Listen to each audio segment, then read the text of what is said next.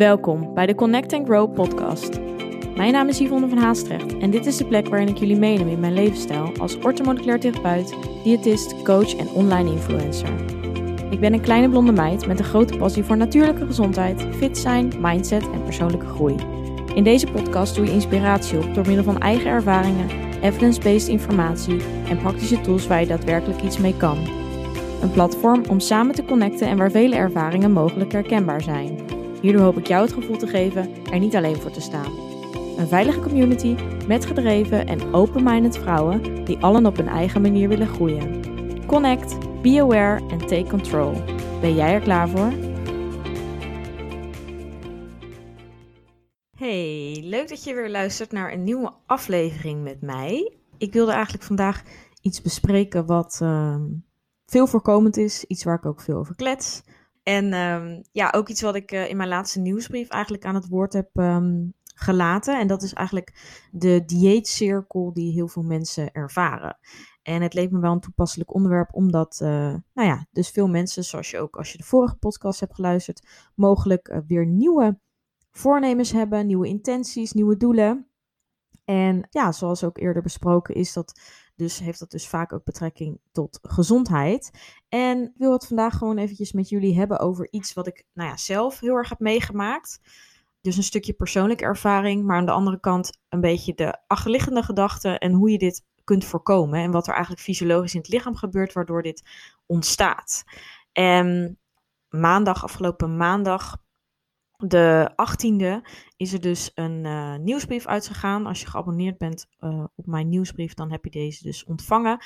En deze gaat dus ook in op die dieetcirkel. En ik dacht, het is wel een mooi onderwerp om ook hier eventjes uh, te bespreken. Ja, luister vooral verder als het je aanspreekt. Ik ga gewoon lekker vertellen, zoals gewoonlijk. En uh, hopelijk kun je er weer waardevolle informatie uithalen als we, laat ik beginnen eventjes met mijn eigen uh, verhaal. Zoals je mij, uh, als je mij kent, dan uh, weet je dat ik eigenlijk een verleden heb heel erg met diëten. En vooral heel erg willen voldoen aan een bepaald beeld, een bepaald uiterlijk wat ik nastreefde. Dat was voornamelijk aan het begin heel erg dun zijn. En ja, hoe ga je dat bereiken? Door middel van een dieet. En op zich had ik nog niet eens aan het begin bedacht van hé, hey, ik ga een dieet volgen. Het was gewoon ja, regels, die in mijn ogen dus wel een dieet zijn, die ik mezelf oplegde. En die waren best wel heel erg streng. En daardoor um, ja, ging ik op een gegeven moment best wel resultaat behalen. En kon ik dit ook heel lang vasthouden. Uh, met op een gegeven moment de negatieve gevolgen die daarbij hoorden. Daar wil ik het dus eventjes niet over hebben. Maar het feit dat heel veel mensen dit niet, hè, een dieet niet vol kunnen houden. Hoe komt dat nou? En dat was ook iets wat ik op een gegeven moment inzag. Ook al kon ik mijn hè, zelf samengestelde dieet heel lang volhouden, toch was het niet levenslang haalbaar. En dat wist ik ergens stiekem wel, maar daar wilde ik gewoon niet aan toegeven. En uh, het feit dat het mij resultaat gaf, was een beetje de eigen wijsheid in mij die dacht van ja, maar het werkt. Dus het gaat mij heus wel lukken om dit patroon vol te houden. Maar goed, na vier jaar, uh, wat ontzettend lang is en veel te lang, waardoor ik dus ook die gezondheidsklachten kreeg en daar dus ook nu nog de negatieve effecten van ervaar. Ja, die wil ik jou laten voorkomen. En dat is ontzettend zonde. En ik ga je uitleggen wat er dus bij komt kijken, waardoor veel mensen dat dus op een negatieve manier ervaren. En ik heb hier laatst ook een post over gedaan op Instagram, waarin ik eigenlijk zei van waarom bestaan er eigenlijk diëten en waarom zou het voor jou werken als je er toch op steeds weer opnieuw aan moet beginnen? En laat die maar eventjes um, ja, bij je binnenkomen, want dat is gewoon waar. Waarom zou je weer een nieuw dieet proberen? Dan hebben blijkbaar alle andere diëten niet gewerkt. En hoe komt dat? Ja, omdat het dus vaak niet goed vol te houden is. Het ding is een beetje, er worden vaak strenge beperkingen opgelegd. Uh, het resultaat ja, wordt langzaam of misschien wel snel zichtbaar. En daarin wordt de mindset heel erg uitgedaagd, omdat misschien wel een te strikt patroon is. Of misschien wel iets wat helemaal niet bij jou past. Ja, de lage inname vaak zorgt voor eigenlijk een energiedaling. En dit maakt natuurlijk dat je, nou ja, fysiek het moeilijker krijgt, maar het ook mentaal moeilijker krijgt. Omdat je lichaam dus fysiologisch gezien ook steeds meer voeding gaat vragen. En daarmee dus ook signalen en hormonen gaat afgeven. Waardoor jij dus letterlijk meer behoefte krijgt aan voeding. En mogelijk ook meer suikercraving ervaart. Dus de behoeftes en de drang naar hè, minder gezonde of minder voedzame producten, die vergroot. Dus vaak die su suikercravings die, eh, die veel mensen hebben. En uh, ja, op het begin kun je daar misschien nog wel eventjes afstand van doen. Of kun je jezelf groot houden en daar uh, tegen weren of nee zeggen. Maar op een gegeven moment ga je eigenlijk voor graas. En dat is een situatie waarin dus ook heel vaak overeten ontstaat. Eetbuien of zelfs binge eating. Het lijkt een beetje op elkaar, maar het zijn een beetje verschillende stadiums. En dat kan, um, hè, dat wordt heel snel gelinkt aan emotie eten. En dat is ook zeker een groot gedeelte. Maar je ziet ook vaak dat dit een enorme trigger is voor mensen die, of de trigger die, hè, als je dus dat overeet of iets ervaart, dat een trigger daarvan is dat je te weinig eet. Dus niet omdat jouw motivatie of zo slecht is. Nee, het is letterlijk omdat jouw lichaam fysiologisch meer voeding gaat vragen. Je lichaam is zo ingesteld dat wanneer hè, wij vroeger gingen jagen op voeding, waren er ook periodes dat er minder voeding beschikbaar was. En op het moment dat er dan voeding beschikbaar was, dan was jouw lichaam dus zo ingesteld dat het dus een soort van oerdrift kreeg van oké, je moet nu gewoon alles eten, want mogelijk is er morgen wel helemaal geen voedsel meer. En dat is precies dezelfde reactie die dus ook bij een eetbui of overeten ontstaat. Je lichaam geeft alle signalen met het hele gevolg van ik moet nu dit allemaal opeten en ik kan niet stoppen en de controle die verloren wordt. En het is een enorm moeilijke cirkel waar je heel moeilijk uitkomt. Maar het zit hem vaak in dat mensen dan denken: ja, maar ik eet al te veel calorieën. Want hè, bij dat overeten of bij die eetbui haal ik alles in. Dat kan misschien kloppen. Je eet misschien op dat moment meer. Maar het zit hem juist in de kunst om overdag, vaak hè, of op een ander moment, in ieder geval over aan het einde van de dag of aan het einde van de week wel voldoende in te nemen. En als je ziet dat je dan op andere momenten dus die inname meer gaat verdelen en zorgen dat je meer verzadigd bent, zal je zien dat ook die trigger voor overeten minder snel voorkomt. En dat uh, ja, klinkt misschien een beetje, of dat is een beetje gek in je hoofd. Want jij denkt, ja, ik eet toch uh, uiteindelijk uh, met die eetbui, eet, haal, ik, haal ik toch ook die inname in. Waarom heb ik het dan de volgende dag weer? Ja, dat komt omdat je waarschijnlijk de volgende dag bouwt van jezelf. Misschien wel gaat comp compenseren. En daardoor weer die dag overdag weinig eet. En hou je het misschien weer een paar dagen vol. En hoppakee, daar is die weer, die eetbui. En dat is zo slopend. En het maakt je gewoon mentaal en fysiek gewoon kapot. Zelf heb ik wel, denk ik, ervaring um, gehad met overeten. En er is nog een verschil. Sommige mensen doen dit bijvoorbeeld met hè, die hele, nou ja, minder voedzame producten. Ik deed het zelf met gezonde producten.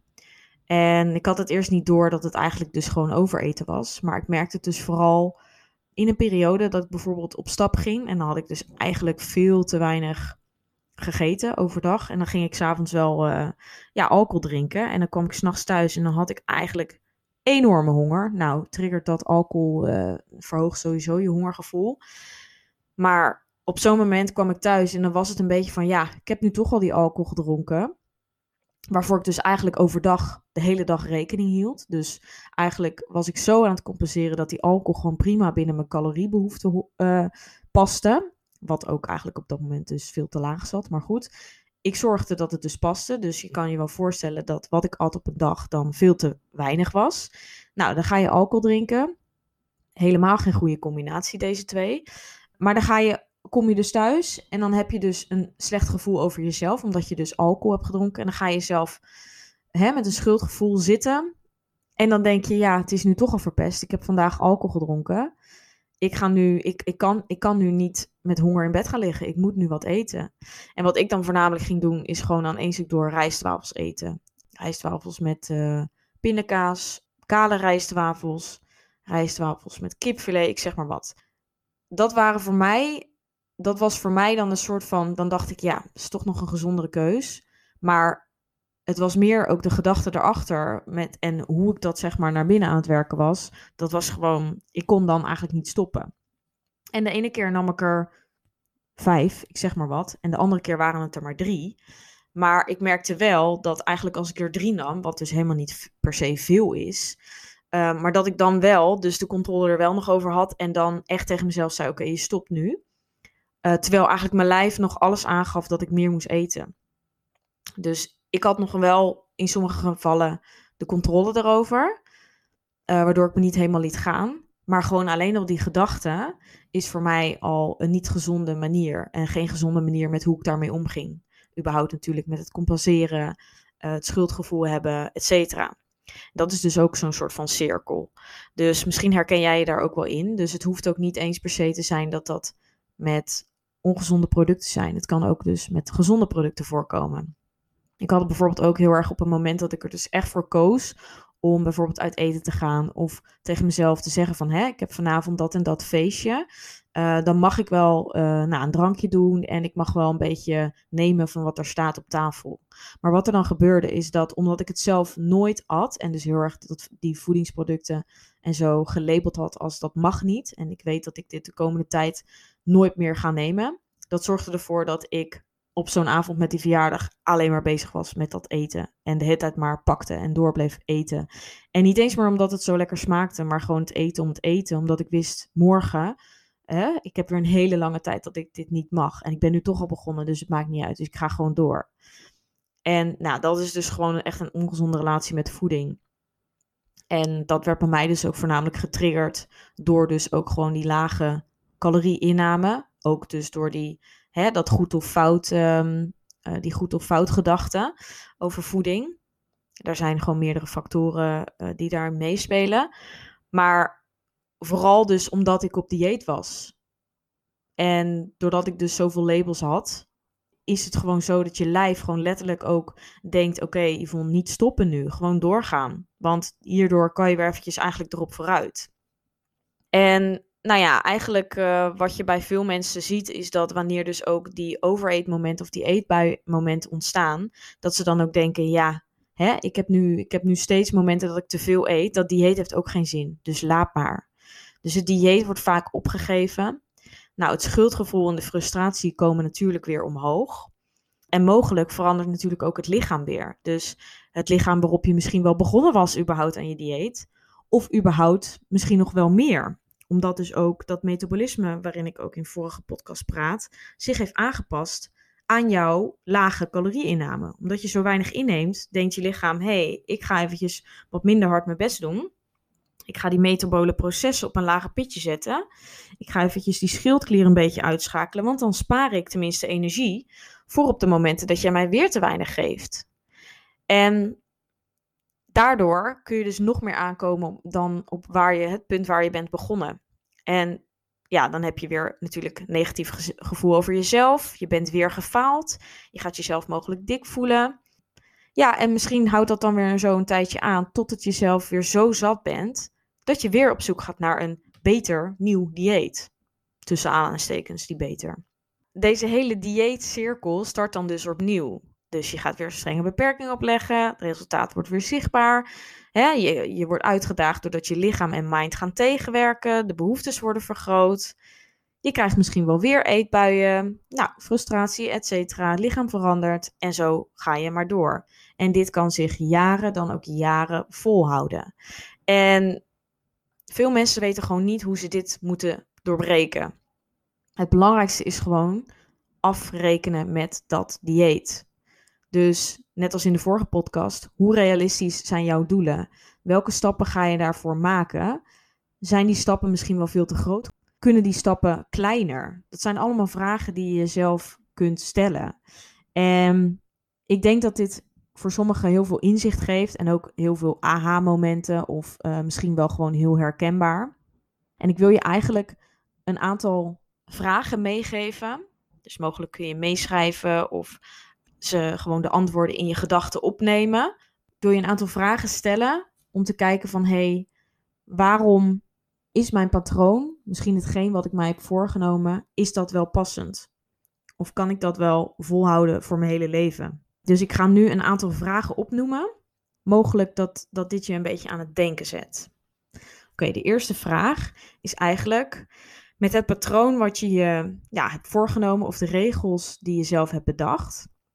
Is dit een manier, dus een E-patroon, wat je je hele leven kunt volhouden? En zo niet, dan is het mogelijk niet het juiste dieet voor jou. Oké, volgende vraag. Moet ik al mijn favoriete voedingsmiddelen vermijden binnen het eetpatroon wat je jezelf hebt opgelegd? Zo ja, dan is dit mogelijk niet de manier van eten voor jou.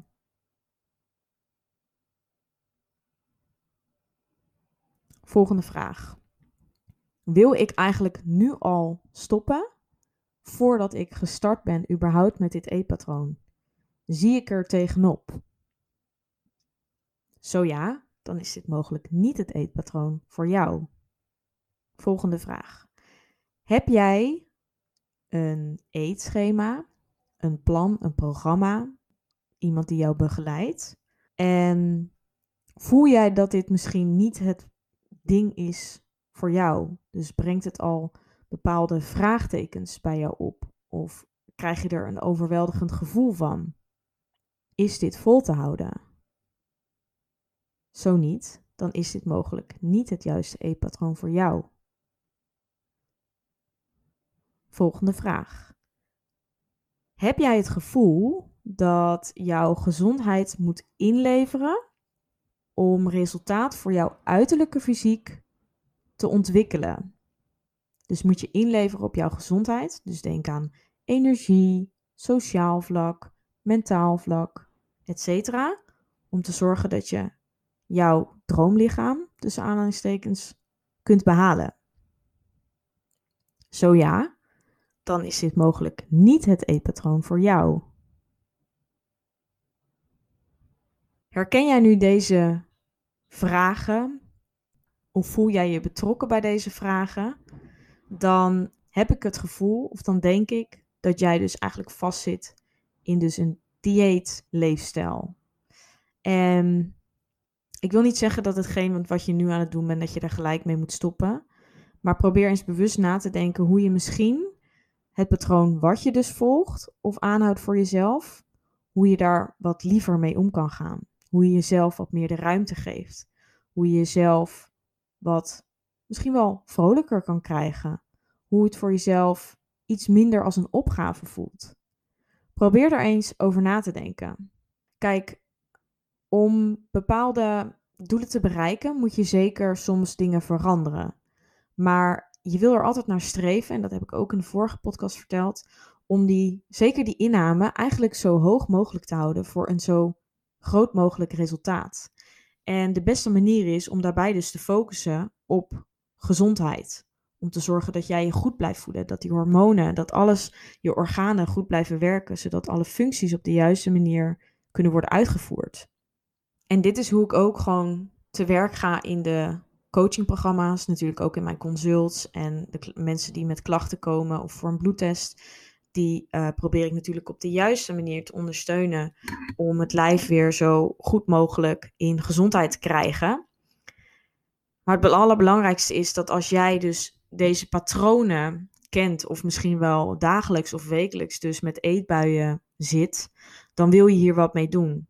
En het ding wat jij, hè, hoe jouw leven dus nu is ingericht, dat is dus niet jouw manier. Want in een, hoe zal ik het zo noemen, lievelingsleven eigenlijk, beste versie van jezelf, ervaar je dat dus niet. En jouw lichaam hoort niet zo aan te voelen of jouw lichaam hoort niet zulke signalen te geven. Die signalen of die eetbuien of die negatieve gedachten, die worden veroorzaakt door iets. En die oorzaak moet je aanpakken. En voeding is daar dus ook een groot onderdeel van. En het gaat zeker helpen om dus ook met die gedachten en gevoelens rondom voeding, die je mogelijk over de jaren heen hebt gecreëerd, om daar wat mee te doen en om daarmee aan de slag te gaan. Om dus uiteindelijk in de acties van voeding, de keuzes die je maakt rondom voeding, een betere keuze überhaupt te kunnen maken. Of hè, daarin te ontwikkelen. Dus luister de vragen nogmaals misschien eventjes na. Misschien op een moment dat je misschien niet aan het wandelen bent.